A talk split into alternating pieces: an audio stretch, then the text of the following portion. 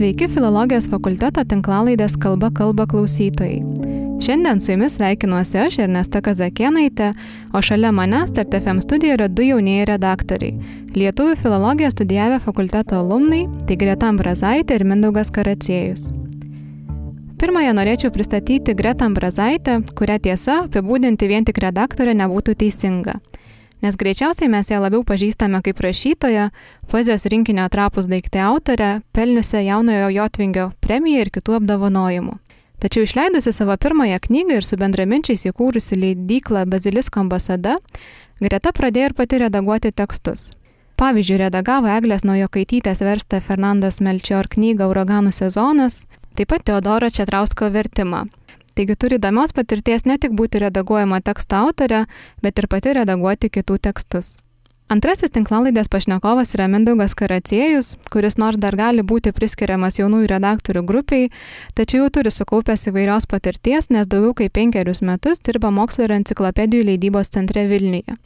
Mindaugo akiratin dažniausiai patenka akademiniai, mokslinio stiliaus tekstai, pavyzdžiui, tokios knygos kaip Lietuvos istorija kiekvienam, Lietuvių kalbos skiryba, Lietuvos vyriausybių 1918-1920 metų posėdžių protokolai. O šiuo metu redaguoja ir visiems puikiai žinoma visuotinė Lietuvė enciklopedija persikelusi į internetinę erdvę. Taigi, kaip galėjote susidaryti įspūdį iš trumpo pristatymo, abu pašnekovai yra labai skirtingi. Greta yra grožinio stiliaus tekstų redaktorė, o Mindaugas daugiausia mokslinio. Tačiau ir bendrumų tikrai netrūksta jau vien tai, kad abu redaguoja. Tačiau ką reiškia redaguoti tekstą? Koks redaktoriaus vaidmuo knygos leidybos procese? Kas yra taisyklinga kalba? Kokiu galiu turi redaktorius? Šie ir daug kitų klausimų šiandien. Taigi pirmiausia, galbūt norėčiau kreiptis Mindaugai tave. Kaip manai, ką reiškia redaguoti tekstą ir kas yra tekstų redagavimas? Taip, taigi sveiki visi. Na ir aš sakyčiau taip, redaguoti tekstą, na tai tiesiog e, padėti autoriui sklandžiau išreikšti savo mintis. Svarbiausia yra, ne, ne tai yra svarbiausia, kad tu kištumėsi ten kiek gali tą tekstą, braukytum, taisytum kiek įmanoma, nes Na tai per dažnas, per didelis e, įvairių braukimų e, kiekis tai neparodo tiesiog, kad e, tu esi geras redaktorius. Mhm. Greta, ar pritartum? Sveiki klausytojai, sveika Ernesta ir Mindaugai. Taip, visiškai pritarčiau Mindaugui, tai gal dar papildyčiau, plačiau praplėščiau apie grožinį tekstą, pasteldama tokias dvi metaforas. Tai sakyčiau, kad jeigu tekstas tiek autorinis arba vertimas yra vykęs, tai ko gero redaktoriaus tikslas yra teksto nesužaloti per daug. Tai būtų toksai švelnus pabraukimas archeologo šepetėliu. Bet jeigu tekstas yra mažiau vykęs, tai tokiu atveju redaktoriaus misija yra turbūt tekstą atnaujinti, paversti jį tokiu, kuris na, gerai skambėtų ne vien pačiam autoriui arba vertėjui, bet ko gero tai plačiai skaitytojų daugumai. Lietuvių kalboje mes turime du gana artimos reikšmės žodžius - tai redaguoti ir taisyti. Kaip manote, ar jie būtų tinka redagavimo procesui apibūdinti? Nes redaguoti tai kaip ir taip, bet kaip dėl taisimo? Na, galime galbūt pabandyti atskirti per anglų kalbą, kad redaguoti būtų kaip edit, taisyti correct. Tai tokiu atveju aš sakyčiau, kad taisimas artimesnis yra tai korektūrai arba kalbos redagavimui, o redagavimas, ko gero, yra šis tas daugiau. Na, būna žinoma ir žurnalų tie vyriausiai redaktoriai, kurie netgi turinį formuoja leidinio, bet e, apskritai redagavimas gali būti ir daugiau pasiūlymų, gali pateikti vertėjų arba autoriui, tarsi daugiau ir įsikišti. Taip, aš e, irgi pritarčiau gretai, nes na, taisimas tai taip, čia yra tiesiog kalbos klaidų ištaisimas, pastebėtų gal kokių net e, korektūrinių netitikimų, o pats redagavimas tai dažniausiai taip, čia jau yra platesnės prasmės e, terminas, nes na, jeigu kalbėtume apie e, mokslinius, akademinius e, tekstus, tai kartais tenka patikrinti tam tikrus faktus, tam tikrų veikėjų gimimo datas ten ir taip toliau. Tai, tai yra tikrai platesnė savoka ir šitie abu terminai, sakyčiau, yra skirtingi. Mhm. Tai ir pati asmeniškai turiu patirties tiek redaguoti tekstą, tiek būti redaguojama teksto autorė ir yra buvę įvairių situacijų. Pavyzdžiui, e, tik vieną kartą gyvenime yra tekę skaityti taip suredaguotą savo tekstą, bet akademinį, kad aš atrodė, kad skaitau ne savo kad jis buvo tiek daug suredaguotas ir tų redagavimo motivacija buvo tokia, kad redaktorius sakė, taip gražiau skamba. Ir žinoma, aš su daugiau nei pusė taisimų nesutikau, nes tai atrodo, kad čia visiškai aš taip negalėčiau pasakyti, kad tai nėra mano stilius. Ir tuomet tiesiog nesutikau ir man buvo leista su tuo nesutikti. Kaip manot, kiek redaktorius gali ir ar jis turi kištis į tekstą? Na vėlgi, čia m, mokslinis diskursas yra gal ne visai mano sritis ir aš ko gero būčiau linkusi tose dalykiniuose tekstuose apskritai siekti tokio kalbos neutralumo jeigu juos tektų redaguoti daugiau. E, bet kalbant apskritai apie grožinę literatūrą, tai manau neblogas pavyzdys yra e, valdo papievio kūryba, nes jo, kur jisai linkęs yra tokias atlikti inversijas savo sakinių, sakinių konstrukcijose, tai vyks mažai nukelti į galą. Tai jeigu redaktorius nuspręstų imti ir tiesiog taisyti autorinį stilių ir sugražinti veiksmažodį ten, kuris turi būti kaip gramatinis centras, kur įprastai yra, tai būtų, na, jau labai keista. Tai jau būtų toks tikrai darkimas, ko gero teksto. Mhm. O kaip mindaugai apie mokslinį tekstą, ką manai? Na taip, tai čia ką Greta ir pastebėjo. Tai jeigu tai būtų moksliniam tekste tam tikros inversijos, o beje jau kartais pasitaiko dėl kažkokių priežasčių, tai šiuo atveju tai jau tenka įsikišti ir taisyti, nes nu, taip, moksliniam, dalykiniam e, tekstui viena iš svarbesnių turbūt jo ypatybių yra tas e, kalbos, gal net ir stiliaus kartais neutralumas, nors čia suprantama, e, netgi ir mokslinių tekstų autoriai kartais irgi, na vis tiek vienas rašo E, labai e, ilgais sakiniais, kitas mėgsta rašyti trumpesniais, viską pateikti taip kaip faktus, tai čia e, visko yra. Mhm. O Greta, ar tu redaguodama tekstą stengiasi išlaikyti autoriaus stilių, ar tu pastebi tą stilių? Redaguodama originalų tekstą, tai žinoma pastebiu, bet taip pat yra tekę susidurti su tokiam situacijom, kai, na čia gal poezijai labiau būdinga, kai poetas e, parašo tekstą ir, na, akivaizdu, kad jisai galbūt silpniau moka skirybos taisyklės, ne visada jas taiko ir tiesiog vėliau tai vardina kaip autorinė skiryba. Tai mhm. tokia tarsi ir dviprasmybė, ar tu gali uh, išradinėti savo stilių, kai tu tiesiog elementarių principų netaikai savo rašymę.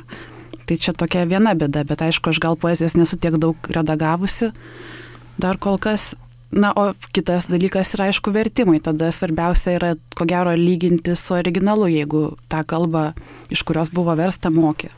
Tai mano atveju ispanų kalba yra man palanki redagavimui. O kokie dažniausiai kyla ginčiai tarp redaktoriaus ir teksto autoriaus, jeigu tokių iš vis yra? E, aš tai pastebėjau tokį dėl įvardžiuotinių formų, kilančius konfliktus. Taip, tas tikrai pasitaiko kartais čia net, kai tenka pataisyti, pavyzdžiui, kokiu amžiaus pusių rašybą žodžiu, tai čia taip, čia yra visokių, visokių tų konfliktų. Nu, net ne konfliktų, bet tokių diskusijų turbūt. Diskusinių situacijų turbūt. Bet gal manau svarbiausia apskritai yra, vat, ar tas autorius arba tas vertėjas kažką padaro tyčia, ten vieną ar kitą sprendimą stilistinį, ar tai yra nesamoningai atliktas toks parašymas arba toks išsišokanti kažkokia vieta, motyvas ar įvaizdis, kuris gal keistai skamba. Na taip, turbūt grožiniam tekste tai tikrai gali būti ir tyčia, ir reikalinga netgi, bet moksliniam kartais būdinga, kad tų jau atsiranda įvardžiuotinių formų tiek, kad ten jau tenka tiesiog braukyti. Bet žinoma, tenka ir labai žiūrėti, ką braukai, nes priklauso, kuri forma tikrai reikalinga įvardžiuotina. Tai... Mhm. Taip ir kalbant apie redaktoriaus darbą, neįmanoma išvengti kalbos taisyklingumo klausimo, kuris šiais laikais mūsų visuomenė nuomonė, man bent jau atrodo, yra labai opus ir kartais net šiek tiek stigmatizuotas, bet redaktoriaus darbas yra universalus, nes tokios pareigos egzistuoja ir tikrai kitose pasaulio šalise, tai ne tik Lietuvoje, tai tarsi nėra kažkas tokio um, unikalaus lietuviško, bet uh, redaktoriaus darbas yra toks, kad tu ne tik taisai kažkokias tikras ar tariamas klaidas, bet tai yra gerokai daugiau.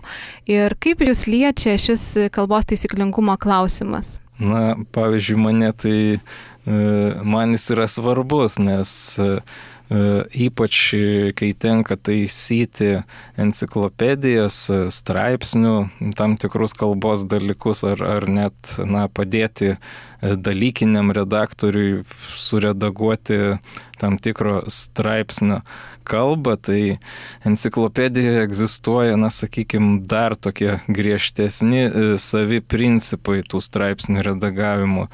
Ir čia jau tenka bendradarbiauti kartais ir su nu, valstybinė lietuvių kalbos komisija, konsultuotis įvairiais klausimais, tai sakyčiau, tas kalbos taisyklingumas yra netgi labai svarbus, mhm. bent jau mano darbe. Aš pritarčiau Mindaugui apskritai, kad svar, svarbu yra pati norma kaip tokia, kad jinai egzistuotų, nes aišku dabar normos ribos yra plečiamos ir laisvių yra daugiau ir na, aš pati tai labai džiaugiuosi, kad nebėra ir tų baudų, kurios anksčiau būdavo kalbos inspekcijos, tai visa tai aišku į gerą.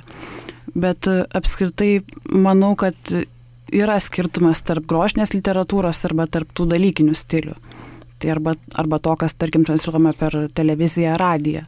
Tai vėlgi nereikėtų visko taikyti viskam, tai čia atsižvelgti pirmiausia tą funkcinį stilių reikėtų. O dar poezija man yra tokia, toks atskiras klausimas, kur tarsi tokia literatūros rušis, kur galima praktiškai viskas, bet būtent tas kalbos taisyklingumas poezijoje be nelabiausiai ir matosi, kad arba jisai yra, arba tu jauti, kad tai yra sklandžiai, e, kokybiškai, sakykime, taip turint gerą kalbinę klausą parašyta, arba ne. Tai tarsi tokia ir laisvė, bet kartu ir taisyklės, kurios labai griežtai ten galioja. Tai kalbos norminimą vertina teigiamai. Na, bet to turbūt būtų visiškas chaosas, jeigu nebūtų visai jokios normos. Na taip, aš irgi pritarčiau, tada galėtų rašyti kas kaip nori ir ką nori. Tai čia grįžtume į kokį, nežinau, 18-17 amžių turbūt. Mhm. O kodėl nebūtų galima rašyti kas ką nori, kaip kaip nori? Jeigu, tarkim, visai nebūtų redaktorių ir visi publikuoja tekstus tokius, kokie yra, vertimus tokius, kokie jie yra. Na, manau, internete to ir taip netrūksta. Ko gero, yra daug tokio folkloro internetinio, kur norint gali ir tokių susirasti. Ir galbūt ilgainiui būtų sunku skaityti, nes tiesiog nebesuprastum, nes kalba ganėtinai greitai keičiasi, na, tam tikri jos sluoksniai. Ir internete komentarai įvairūs, tai manau, ta kalba turbūt greičiausiai kinta. Taip, o kaip manote, ar tikrai yra labai didelis skirtumas e, sakyti, kreipti dėmesį kam ar kreipti dėmesį į ką? Tai yra iš tų didžiųjų e, klaidų sąrašo, kuris anksčiau buvo skelbiamas, dabar tai yra tiesiog klaidų sąrašas vengtinų. Kaip manote, ar tai yra tikrai toks didelis skirtumas, kad, pavyzdžiui, daugiausia dėmesio kreipiame e, mokslui ar daugiausia dėmesio kreipiame į mokslą? Na, čia turbūt reikėtų žiūrėti į tai, kas būdinga lietuvių kalbos sistemai nuo senų laikų, kiek, kiek jinai yra tyrinėta. Tai šioks toks skirtumas tikrai yra, nes na, lietuvių kalbai būdinga mm, sakinio konstrukcija, kai viskas tiesiog reiškiama linksniais galūnėmis, o ta prielinksninė konstrukcija jau taip sistemiškai žiūrint irgi nėra, nėra taip jau uh, būdinga nuo senų laikų lietuvių kalbai. Tai vis dėlto būtų naujas reiškinys ir šiuo konkrečiu atveju, na, galima jau taip sudvėjoti, ar, ar čia e, yra lygiaverčiai dalykai ar ne. Mano galva, kad ne ir e, vertėtų čia atkreipti dėmesį.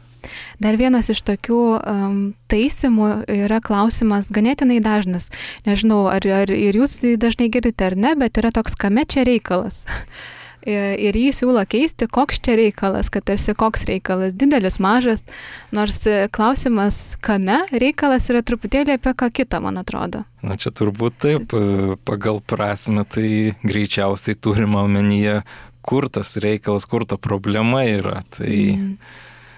tai nežinau, kaip gal būtų galima kaip kažkaip kitaip ir perfrazuoti tą klausimą, bet, bet na, tiesiog e, kalbos tvarkytojai, normintojai čia išvelgia problemų ir kol taip yra, tai redaguojant tekstus, na, tenka ypač mokslinius tekstus, tenka prie to taikytis. Mhm.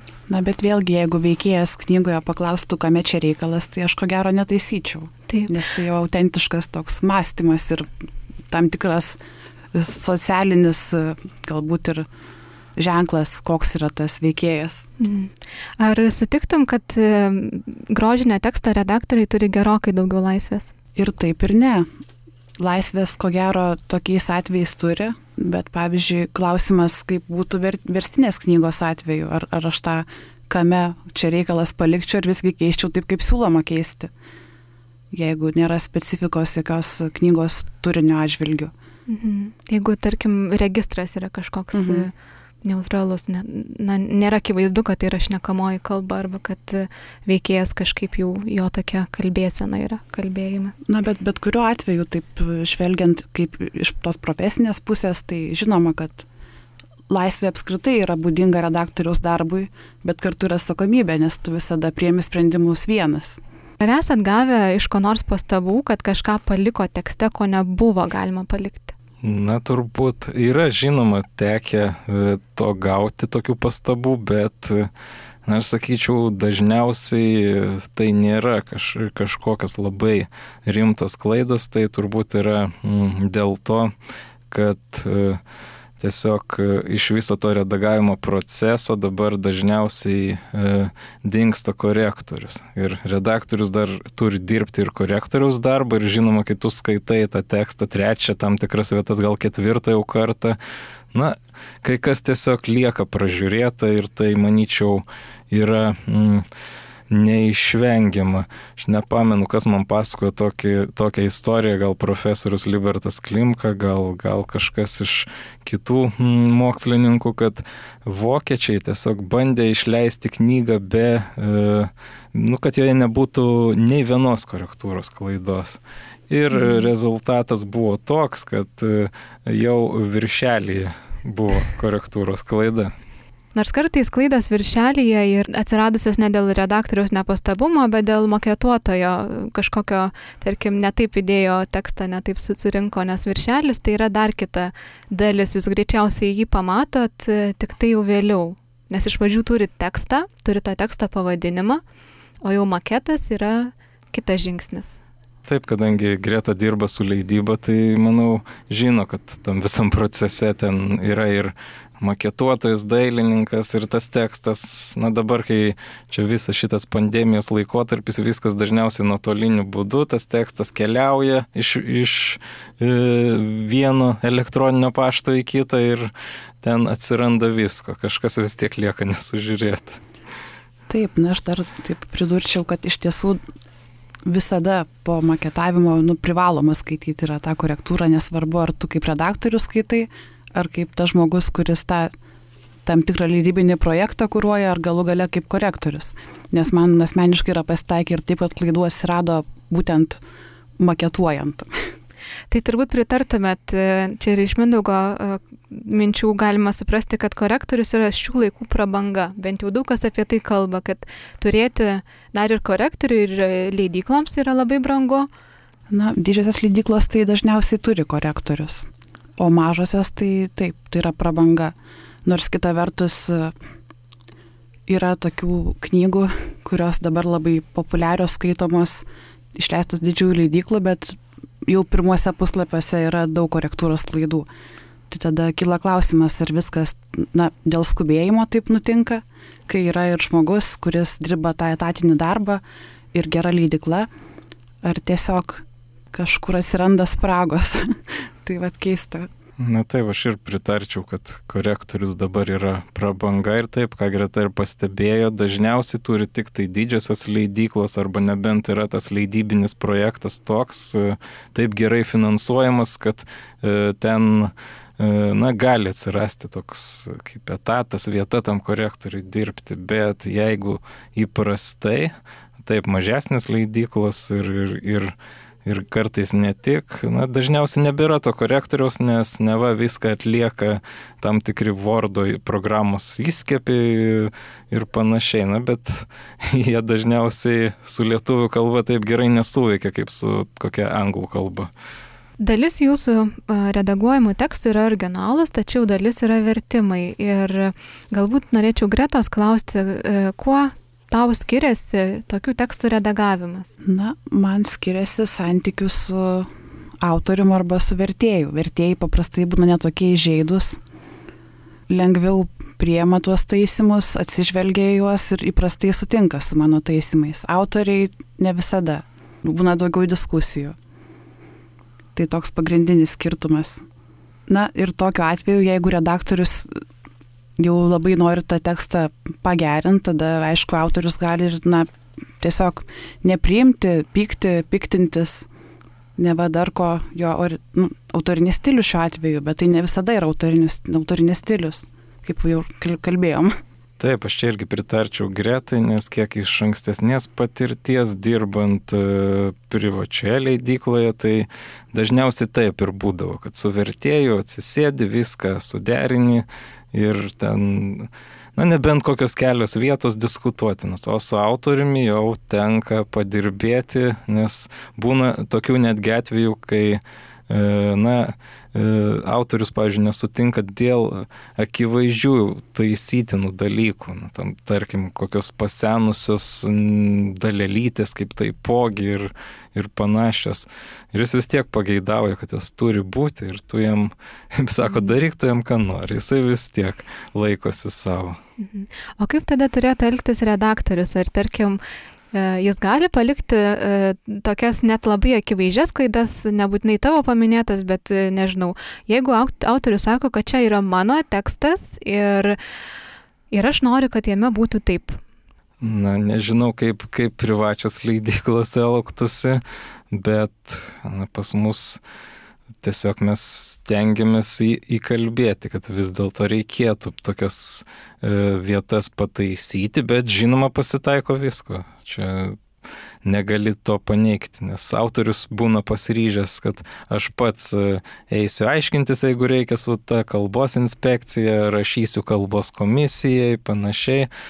Na ir jeigu tai nėra ta jau buvusi, kaip dabar, kaip anksčiau sakydavo didžioji kalbos klaida, na kartais tenka jas ir palikti, o ką darysi, jeigu pats tekstas apskritai yra geras, na, tam prasminiu atžvilgiu. Aš pritariu Mindaugui. Vis tiek autorius yra autorius, redaktorius yra tik tai tas, kuris gali padėti, bet toli gražu ne perdaryti už autorių ir paneigti jo autorinį darbą. Mhm. Bet ar sutiktumėt, kad redaktorius turi galę būti nematomas? Tai yra, kad jeigu viskas padaryta gerai, tai redaktorius yra, na vis tiek autorius, tada yra vertėjas ir tik tada yra redaktorius. E, kai kalbam apie, tarkim, grožinius ar mokslinius tekstus taip pat. Na, redaktorius nematomas, bet pasitaiko, kad redaktorius ir tą tekstą gabalais perrašinėja. Visko būna. Taip, tokiu atveju tikrai pasitaiko. Kartais, e, na, ne dabartiniam darbe, bet iš kitos e, patirties, tai galiu pasakyti, kad netgi buvę yra tokiu atveju, kai, na, tekdavo kokią pastraipą tiesiog perversti e, iš naujo, nes, nu, na, akivaizdžiai jau prasminių atžvilgių yra ne, nebe tai sakoma, ką parašęs yra vertėjas. Kartais iš ties yra lengviau išversti iš naujo negu taisyti kadangi užsiminėte apie tuos, kad lengviau yra išversti, bet teko tokių skirtingų nuomonių girdėti apie vertimų redagavimą, nes vieni teigia, kad redagavimas sklandesnis tada, kai tu pats nemoki tos kalbos, iš kurios, ir, iš kurios yra verčiama. Tačiau kiti sako priešingai, kad būtina mokėti tą kalbą, iš kurios yra verčiama, nes tada gali patikrinti probleminės vietas, pasižiūrėti, ar tikrai yra gerai išversta, ar taip suprasta mintis. Ką manot? Na, aš ko gero būčiau linkusi pritarti, kad yra geriau mokėti tą kalbą, iš kurios išversta redaktoriui, bet jeigu tokios galimybės nėra, tai bent jau orientuotis sintaksėje, gebėti atskirti kažkokią sintaksinį vienetą, kuri yra būtent ta vieta, kuri kelia tau klausimą. Na, aš irgi pritarčiau Gretai, nes e, net jeigu tas tekstas ir yra geras, e, tikrai ten tų taisimų nėra daug. Na vis tiek e, yra vietų, kur kartais gal tiesiog praleistas koks nors žodis ar panašiai ir sakinio prasme jau tampa tokia, na, keista, sakykime. Ir kai tu moki tą kalbą, tu pasižiūri ir gal ten tiesiog paprasčiausia kokį jungtuką reikia kablelį padėti tam tikroje vietoje ar tam tikrose vietose ir ta problema išsisprendžia. Jums abiems lengviau, kai mokat kalbą, iš kurios buvo verčiama. Taip. Taip, tikrai taip. Ar yra buvę tokiu atveju, kad tekste visiškai nebuvo ką redaguoti? Tai yra, jūs gavot, nežinau, ar verstą tekstą, ar nebūtinai verstą, bet tiesiog skaitot ir palikot, nežinau, arba nieko, arba kažką labai mažai. Na, man yra tekę, kur tiesiog reikėjo minimalios korektūros. Na taip, mano atveju, man toks irgi atvejis pasitaikė ir gauni tekstą, vartai, vartai, skaitai ir, na, nerandi ką tiesiog taisyti, nes taip gerai yra kalbos taisyklingumų atžvilgių viskas išversta, kad, kad, na, ten gal vieną kitą kablelį per kokius 20 puslapių e, pakoreguoti, bet na, tai yra visiškai tokios smulkmenos ir tiesiog e, to vertėjų dėja nebėra tarp mūsų, bet ten buvo irgi e, knyga apie istorinis romanas apie Stepaną Paturą, kiek pamenu, vertimas iš vengrų kalbos. Ir buvo tokia kažkokių pelėdų rūšis, kur verties net tą išsiaiškinęs, kaip jie lietuviškai pavadinti, nes na, ten nebuvo ar tokio atitikmens termino lietuvių kalboje. Tai, tai čia vat buvo tokia istorija, kai tikrai nustebino, kad tokių žmonių dar yra, kad tu gauni tekstą ir tiesiog, na, perskaitai korektūrą ir galima jį atiduoti, maketuoti. Tai gal agurkis buvo tas vertėjas? Taip, taip, Vitas agurkis. Mhm. O ar yra buvę visiškai atvirkščiai, kad gavo tokį tekstą, kad e, buvo tiesiog baisu? Žinoma, kad yra tai buvę.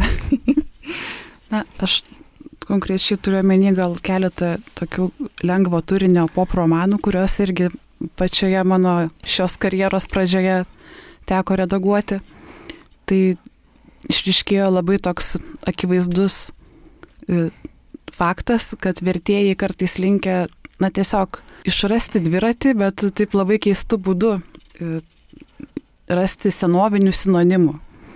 Tai pavyzdžiui, man yra tekę taisyti tokį tekstą, kai merginos jaunos studentės kalbasi apie skaitminės technologijas ir vartoja tokius žodžius kaip kepurnėtis, mergužėlė, aklinėti arba kalbasi ir sako, kasgi tau atsitiko rūkšnelė.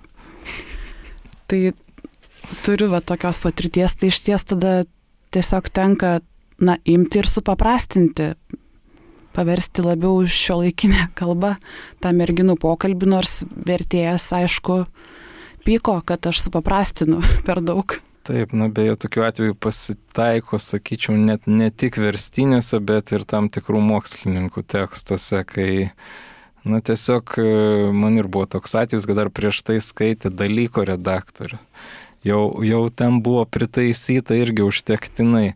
Ir tu skaitai dar kartą iš kalbos pusės, tiesiog iš tų sakinių viso prasmingumo, nes, na, ten reikėjo pritaikyti tą e, knygą e, iš labai mokslinio stiliaus, sakykime, padaryti suprantamą kiekvienam. E, tiesiog tokiu paprastu, sakysim, publicistikos, publicistiniu stilium sutvarkyti ją. Tai, Tai tiesiog yra tokia kartais problema, kad nereikia net vertimų. Mhm. Ir tu, kalbėdamas, užsiminė apie dalyko redaktorių. Kokius redaktoriaus tipus jūs skiriate? Na tai bent jau e, mūsų įstaigos atveju tai dalykiniai vadinamieji tie redaktoriai, tai čia jau būdinga yra tik visuotinės lietuvių enciklopedijos straipsniams, kaip mhm. autoriaus dar skaito tos e, srities specialistas, kai dalis iš jų irgi yra patys mokslų daktarai, tai kad nebūtų kažkas dar pražiūrėta ar panašiai ir tik tada tas tekstas ateina iki manęs. Tai, na, tai jeigu reikėtų išskirti, tai aš ir skirčiau dalyko redaktorių ir tą dalykinį redaktorių ir kartais, kiek dar tekęs yra susidurti dirbant kitur, na dar būna konsultantai, bet tai, tai jau nėra visai tas pats, kas e, koks nors redaktorius. Greta, tu turi patirties būti redaguojama ir pati redaguoti tekstus. Kaip palygintum šios du vaidmenis? Aš turėjau patirties e, būti kaip autorė ir kaip vertėja redaguojama. Tai mano redaktoriai buvo Antanas Ajodinas ir Vladas Braziūnas, kurie abu yra puikus žinomi poetai, vertėjai, na ir redaktoriai. Tai iš ties visada stengdavausi kuo daugiau iš to išmokti ir užduoti papildomų klausimų. Ypač galbūt pažymėčiau Vlado Braziūno kaip, kaip vertėjo ir kaip redaktoriaus tokį indėlį į mano verstą ir sudarytą jaunųjų Sakartvelo poeto antologiją Aidintys. Iš tiesų manau, kad išmokau jau vien dirbdama su šiuo puikiu redaktorium labai daug. Bet apskritai aš manau, kad autorius, kuris rašo, arba vertėjas, kuris tiesiog gerai moka tą lietuvių kalbą, gramatiką, taiko taisyklės, e, su juo malonu turbūt ir redaktoriui dirbti. Tai aš tikiuosi, kad ateityje mano kūryba arba vertimai, jeigu jie bus redaguojami ir ta tikiuosi, kad jie kažkaip atsidurs publikacijų pavydalu, kur nors, tai žinoma, kad, na, tikiuosi, kad būsiu gera mokinė savo būsimų redaktorių. Nes visada reikalingas yra antras žvilgsnis ir, na, jis tiesiog būtinas, jeigu nori tobulėti. Tai manai, kad galbūt pačios redagavimo patirtis truputėlį keis santykių su tavo pačios tekstų redaktoriais ateityje, ar ne? Na, aš labai tikiuosi, kad e, mes kalbėsime apie, na, tokias tikras problemas ir nesiginčysim dėl tokių nesminių, kur, na, abu du žinodami ar abi žinodamos, kad tai yra akivaizdžios klaidos, na, jų gal tiesiog nenutiks mano tekstuose tiek daug.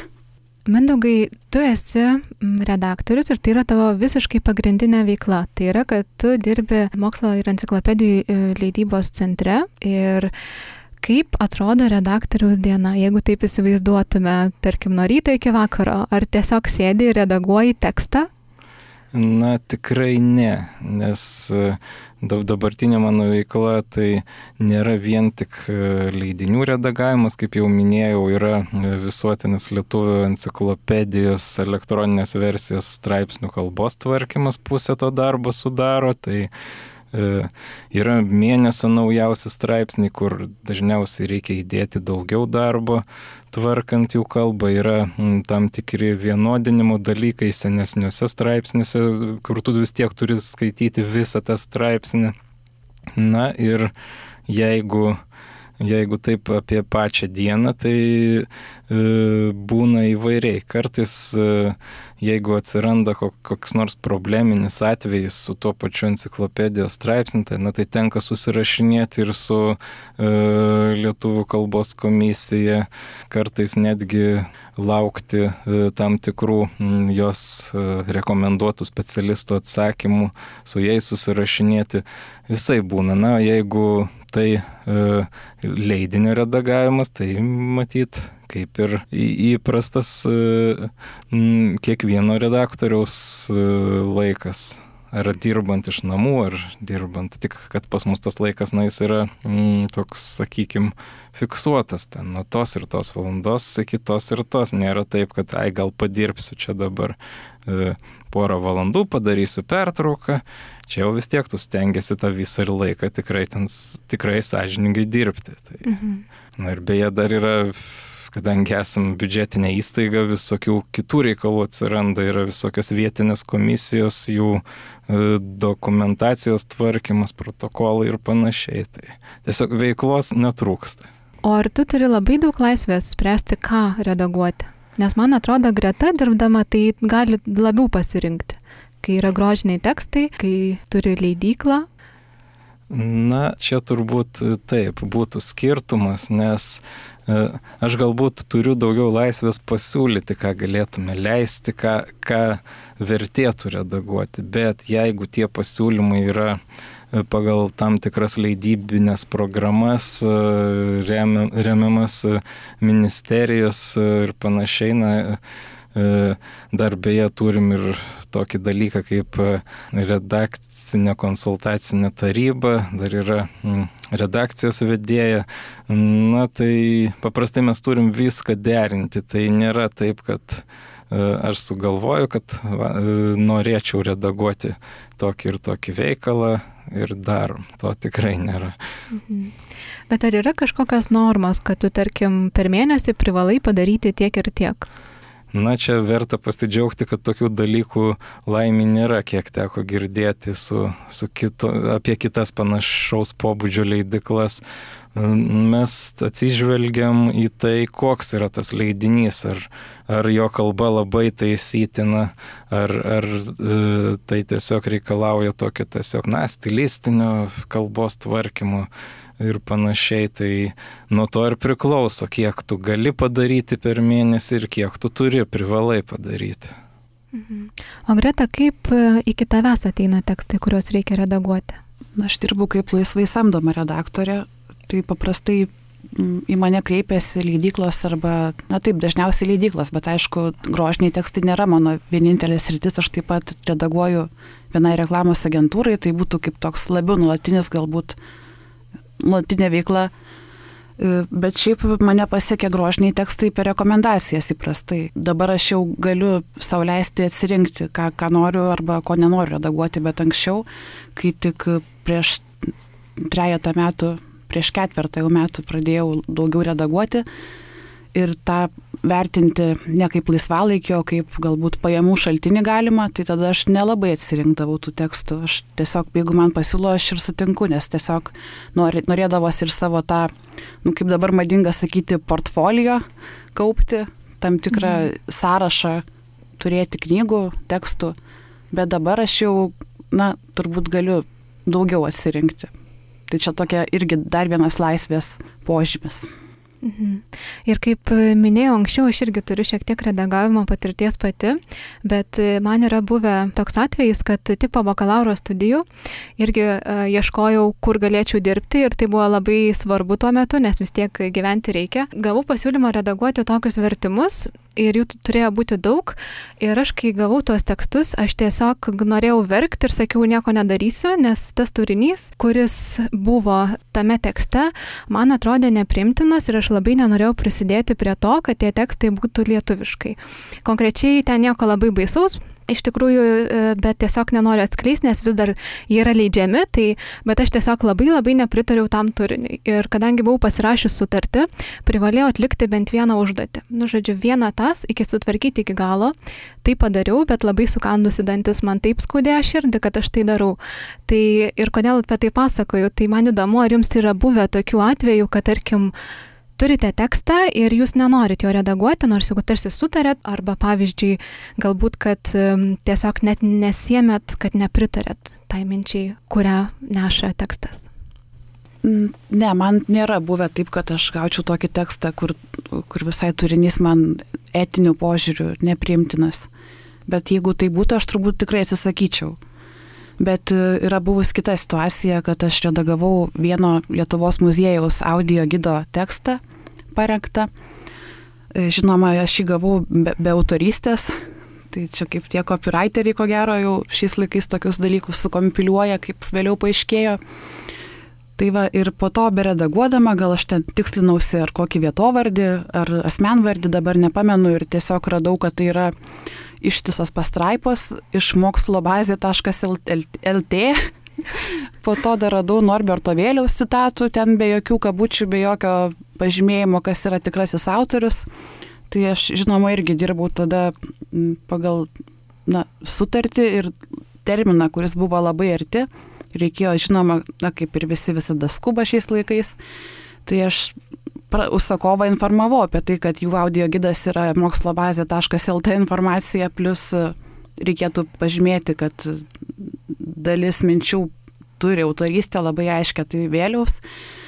Tai galų gale aš nežinau, kaip baigėsi ta istorija, ar to muziejaus lankytojai dabar klauso tos informacijos, kuri, na, visiškai ten nėra ką ir kalbėti apie jokį ten kokybišką, daug žmogui galinti suteikti informacinę prasme audio gidą, e, bet na, aš baigiau redaguoti, o kaip jau ten buvo, tai klausimas. Aš manau, kad tas audio gidas dabar tam muziejui turbūt dalinamas. Na taip, man tiesiog irgi nėra buvę tokio atveju, kad e, tektų atsisakyti e, redaguoti dėl tam tikrų etinių ar panašių dalykų, nes, na, dabartinėje darbovietėje tai tiesiog tokie tekstai, turbūt jeigu jie būtų ne, nepriimtini mm, etiniu ar to doroviniu atžvilgiu, man tai būtų nepriimtini ir visai visuomenė ir na, čia jau e, įsitraukia ir e, kartais e, peržiūrintos e, siūlomus leidinius ir švietimo, mokslo ir sporto ministerijos tam tikri specialistai ir žinoma mes ir patys e, labai žiūrime, stengiamės, kad tokių tekstų E, na, leidybai, į leidybą jie kaip ir nepatektų, bent, bent jau iš, iš, iš mūsų leidyklos, tai tiesiog tuo galima pasidžiaugti. Na, o ankstesniam darbė, ar kiek bandžiau pats e, dirbti, na, laimė irgi nepasitaikė, kad tektų. Dažniausiai tekdavo atsisakyti dėl laiko trūkumo ar panašiai. Ir kalbant apie laiką, kiek maždaug trunka, kaip būtų galima apibriežti redaktoriaus darbą, nes e, manau visi tekstai yra skirtingi ir labai skirtingai jam reikia skirti laiką, bet dažniausiai yra mokama, man atrodo, už puslapius. Ar klystu? Kaip yra um, vertinamas redaktoriaus darbas? Na, pavyzdžiui, reklamos srityje tai dažniausiai yra valandinis įkainis. Bet e, grožinės literatūros arba apskritai literatūros tai taip puslapiais arba lankais. Na taip, turbūt dažniausiai kiek, kiek susidūriau, tai būtų puslapiais arba lankais, nes teko irgi šiek tiek padirbėti su reklamininkais, tai taip, ten jau yra valandinis dažniausiai, turbūt gal net kokių ir šimtų procentų, o, o šiaip tai jo puslapiai, lankai. Ir jūs abu esat filologai, filologijos fakulteto alumnai. Ir tikrai neretai manoma, kad viena iš tokių tipinių profesijų, ką gali veikti filologas po studijų, tai yra redaguoti tekstus. Ar jūs irgi taip galvojat ir ar manėt, kad po studijų redaguosit? Aš tai rinkdamasi studijas maniau, kad dirbsiu žurnalistinį darbą.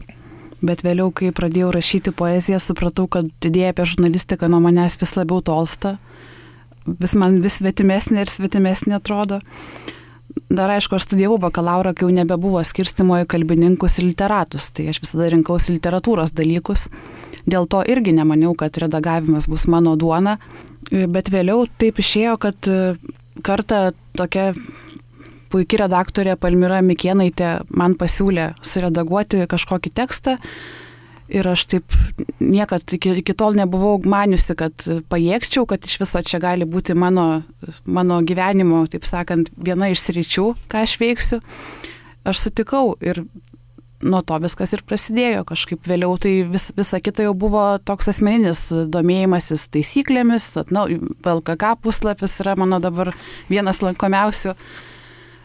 Tai va, tai Tai tiek turbūt toks ir tas kelias buvo. Vis tiek nemanau, kad aš be paskatinimo ir be pasiūlymo būčiau taip patiemus ir pradėjus redaguoti.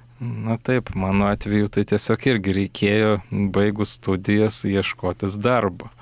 Ir na, kadangi su viena leidikla tek, tekdavo jau šiek tiek pabendrauti dar ir studijų laikais ir atsiradus galimybė jie mane priėmė, pasitikėjo. Na ir taip, taip ta kaip e, kaip sakyti, ta karjera taip ir prasidėjo nuo to ir tęsiasi iki dabar, nors studijų laikais tai galbūt galvoju apie mokslinį darbą iš dalies. Taip ir man atrodo, Gretas tokia istorija, kad studijuodamas filologiją galvoja apie žurnalistiką, tai tikrai buvo ne, nemažai žmonių, kurie ir, ir tapo žurnalistais, bet kodėl Greta nenusprendėjai tapti žurnalistę, nukrypti į tą pusę po studijų? Na, aš gal taip susidėjau su tais meno žmonėmis ir įtraukė. Tai. Įtraukė ir, ir aš tiesiog turbūt nebeturėjau laiko tam, nes pirmame kurse aš prisimenu, kad aš dar pati rašydavau kartais apžvalgas e, apie filmus, e, dar ten buvau porą, ai, vien labai gerai prisimenu, kad parašiau apžvalgą apie filologijos rudenį, kuri po to, man atrodo, gal viešumos ir nepasiekė. Bet vis tiek aš save laikiau kaip tokį va, žmogų, kuris galėtų ten apie renginius rašyti, apie meną, bet vėliau tai tiesiog nu, neįmanoma, manau, viskam rasti laiko ir vienodai viską gerai daryti. Tai taip ir nukrypau labiau į poeziją, į vertimus ir į redagavimą galiausiai. O kaip reaguoja žmonės, kai sužino, kad jūs esate redaktoriai? Dažniausiai reaguoja dviprasmiškai, jie sako, oho, tai čia taip sudėtinga ir taip mažai moka už tai. Taip, o mano atveju irgi panašiai. E, arba sako, kaip nuobodu ir kiek tu čia už tai gauni. Na, dar yra kita kategorija, kur maždaug akis susigadinsi. Tai aišku, tai nėra iš piršto laužta. Akis susigadinsi taip ir dar kokia monotonija. Bet jūs tam galėtumėte paprieštarauti. Na kaip, kiekviename juoke yra dalis tiesos. Bet faktas, kad redak, redagavimas nėra pati pelningiausia specialybė, ko gero, bet jeigu tu gerai išmoksti tą daryti profesionaliai, tai manau, kad tiesiog malonus darbas. Na taip, aš greitai irgi pritarčiau ir dar yra tas pliusas, kad tu gali dirbti tiesiog su ta individualios veiklos pažyma, planuoti savo laiką, jeigu tu to nori ir taip, ir jeigu tu užsirekomenduosi, na, gyventi galima. Taip, tikrai. O ar nebūna taip, kad žmonės išgirdę, kad jūs esate redaktoriai, pradeda kalbėti kitaip? Na, mano draugai tai tikrai ne dabar nesusimaščiau, kiek žmonių taip mane sutikę žinotų, kad aš redaktorė, tai vis dėlto nesu kokia pop dainininkė. Mhm. Taip, draugai tikrai ne, gal kartais uh, kokie nauji pažįstami kartais pajokauja, tai tu čia dabar mano klaidas, kirčiavimą taisysi, tai kartais net tyčia prašiau kalbą. Mhm. Taip, kai aš įstojau lietuvių filologiją, mano klasiokai jokavo, e, sakė, kad visus atvirukus, kurie man atsiūs, tai, tai kad aš ištaisysiu ir atsiūsiu jiems atgal. Tai taip nėra buvę, bet e, yra keletą tokių, nežinau, jų um, įrašų socialiniam tinkle, kur galėčiau paredaguoti, bet to nedarau. Iš tiesų kartais būna, kad skaitai kokį, kad ir socialinėme tinkle įrašą nu, ir kirba ta mintis, kad nu, čia galėtų geriau būti. Ir dar labai norėčiau paliesti tokius praktinius dalykus. Mes jau truputėlį aptariam, kaip ateina tekstai ir taip toliau. Ir vienas iš jų yra, kiek maždaug trunka redaguoti. Aš suprantu, kad tai priklauso nuo teksto. Bet tarkim, kaip jūs vertinate? Jūs paimate tekstą ir, tarkim, galite vertinti šitą spėsiu suredaguoti, šitą nespėsiu. Pagal ką? Pagal autorių, pagal teksto pobūdį ar pagal turinį? Na, man tai dažniausiai užtenka pirmus tris sakinius perskaityti ir maždaug aš jau gal, galiu numatyti, kiek man čia reikės laiko. Taip, dažniausiai e, taip ir būna. Aš tai dar kartais e, atsiverčiu, tarkim, to, jeigu yra visas rankšraštis vidurį, dar ir kokį paskutinį skyrių e, ir jau tada matai, kiek, kiek tai gali trukti teoriškai. Bet, bet tai kartais gali būti apgaulinga. Man, tarkim, yra bus tokia situacija, kad aš redagavau straipsnį, kuris pirmus tris puslapius buvo puikus, praktiškai be klaidų. Bet nuo ketvirto jau prasidėjo daugiau klaidų, o penktas baigėsi kažkokiu visiškai nes, nu, nerišliu kalbėjimu. Tai prie jau tokios išvados, kad galbūt autorius pradėjo svaigintis, berašydamas nuo ketvirto puslapio. Na taip, ir kartais būna ir taip, kad jeigu tas autorius jau yra žinomas, gal konkrečiai leidyklai, gal jau ir kelioms leidykloms, tai gali numanyti, kaip jisai rašo ir ko gali tikėtis iš jo. Tai ir dėl jo, jo visų tekstų. O kam patartumėte jauniesiems redaktoriams? Ar turėtumėt kažkokių, dabar vis tiek patys esate dar jaunieji redaktoriai, bet gal turėtumėt kažkokių dar jaunesniems už jūs patarimų? Mano tai patarimas būtų nebijoti ir bandyti. Taip, aš irgi pritarčiau. Nebus tikrai taip, kad e, bus visi atsakymai e, kalbos komisijos tinklalapyje, konsultacijų bankė ar kur nors kitur.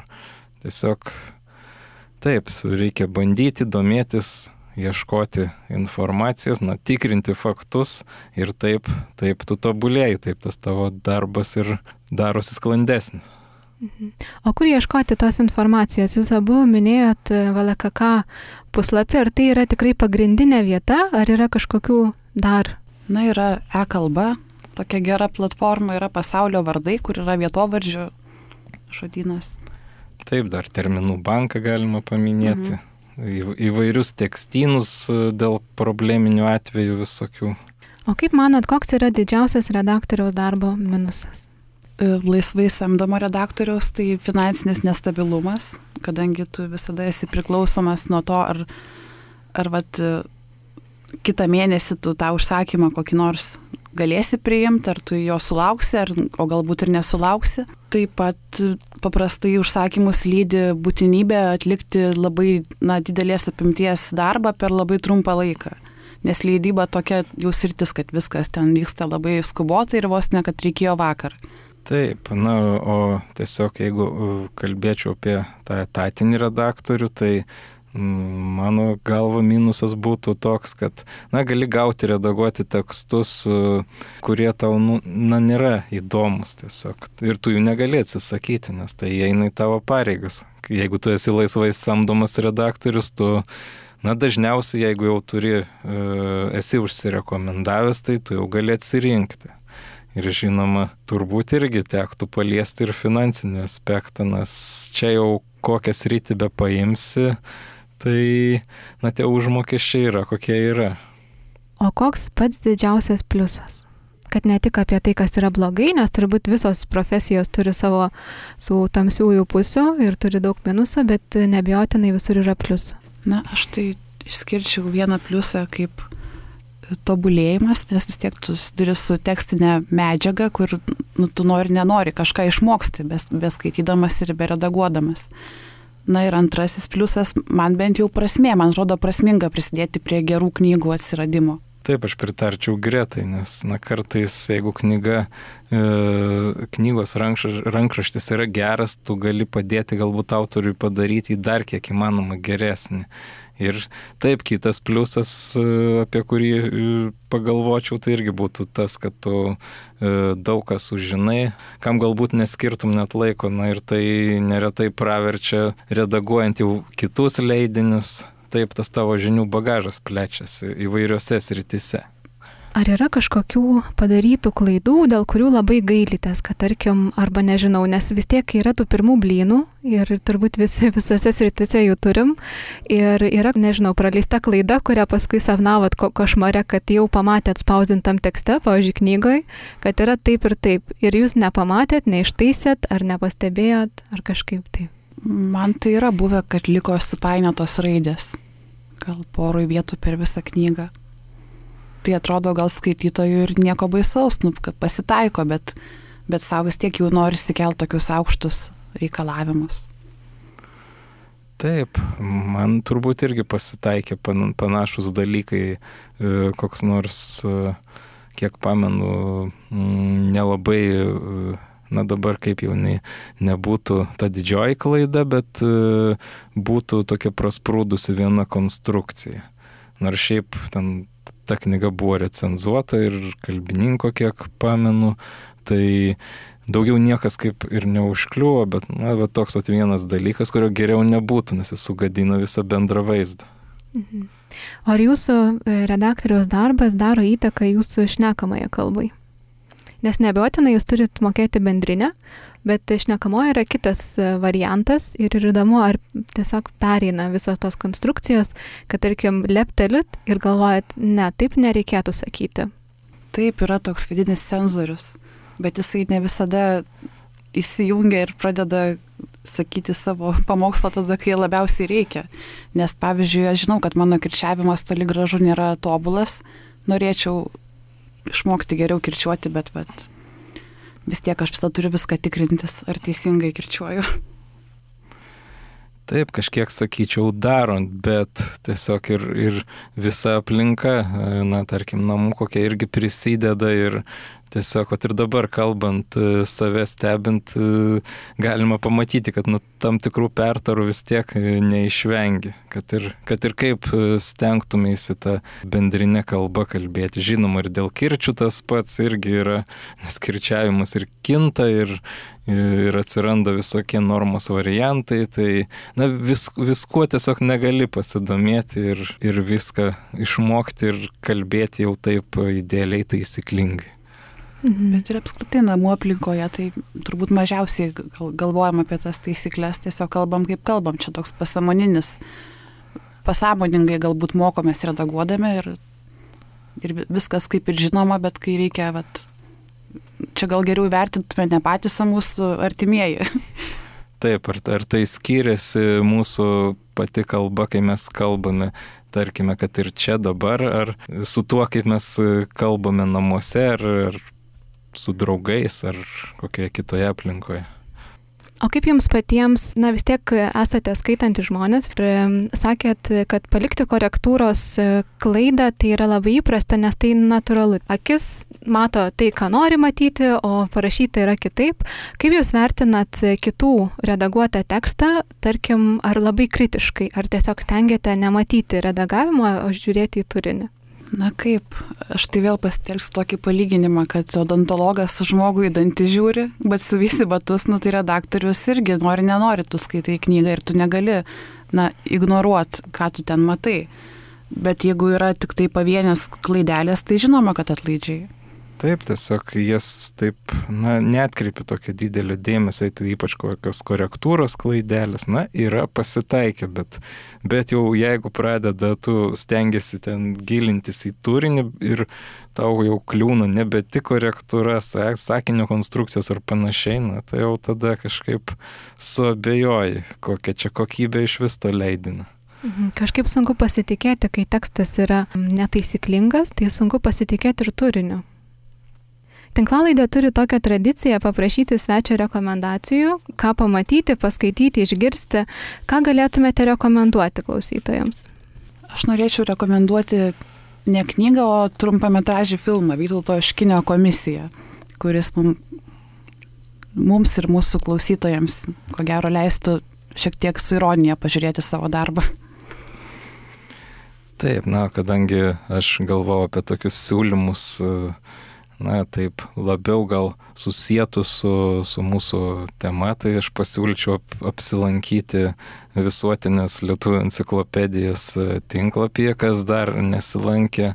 Na, e, siūlyčiau naudotis labai šiuo mm, šaltiniu, nes e, Taip žinoma yra Wikipedija, kurioje gal kartais yra mm, kai kas minima daugiau, ko mes dar nespėjome paminėti savo enciklopedijoje. Na, bet e, labai skatinčiau naudotis e, jie kaip e, patvirtintų, sakykime, suredaguotų jau žinių šaltiniu. Tai labai ačiū Gretai, labai ačiū Mindaugui. E, manau, kad e, pokalbis buvo ne tik įdomus man, bet ir turbūt mūsų klausytojams. Ir norėčiau priminti, kad tinklalaidą galite rasti visuose beveik platformose. Ir ačiū ir iki kitų kartų. Ačiū. Ačiū. Iki. iki.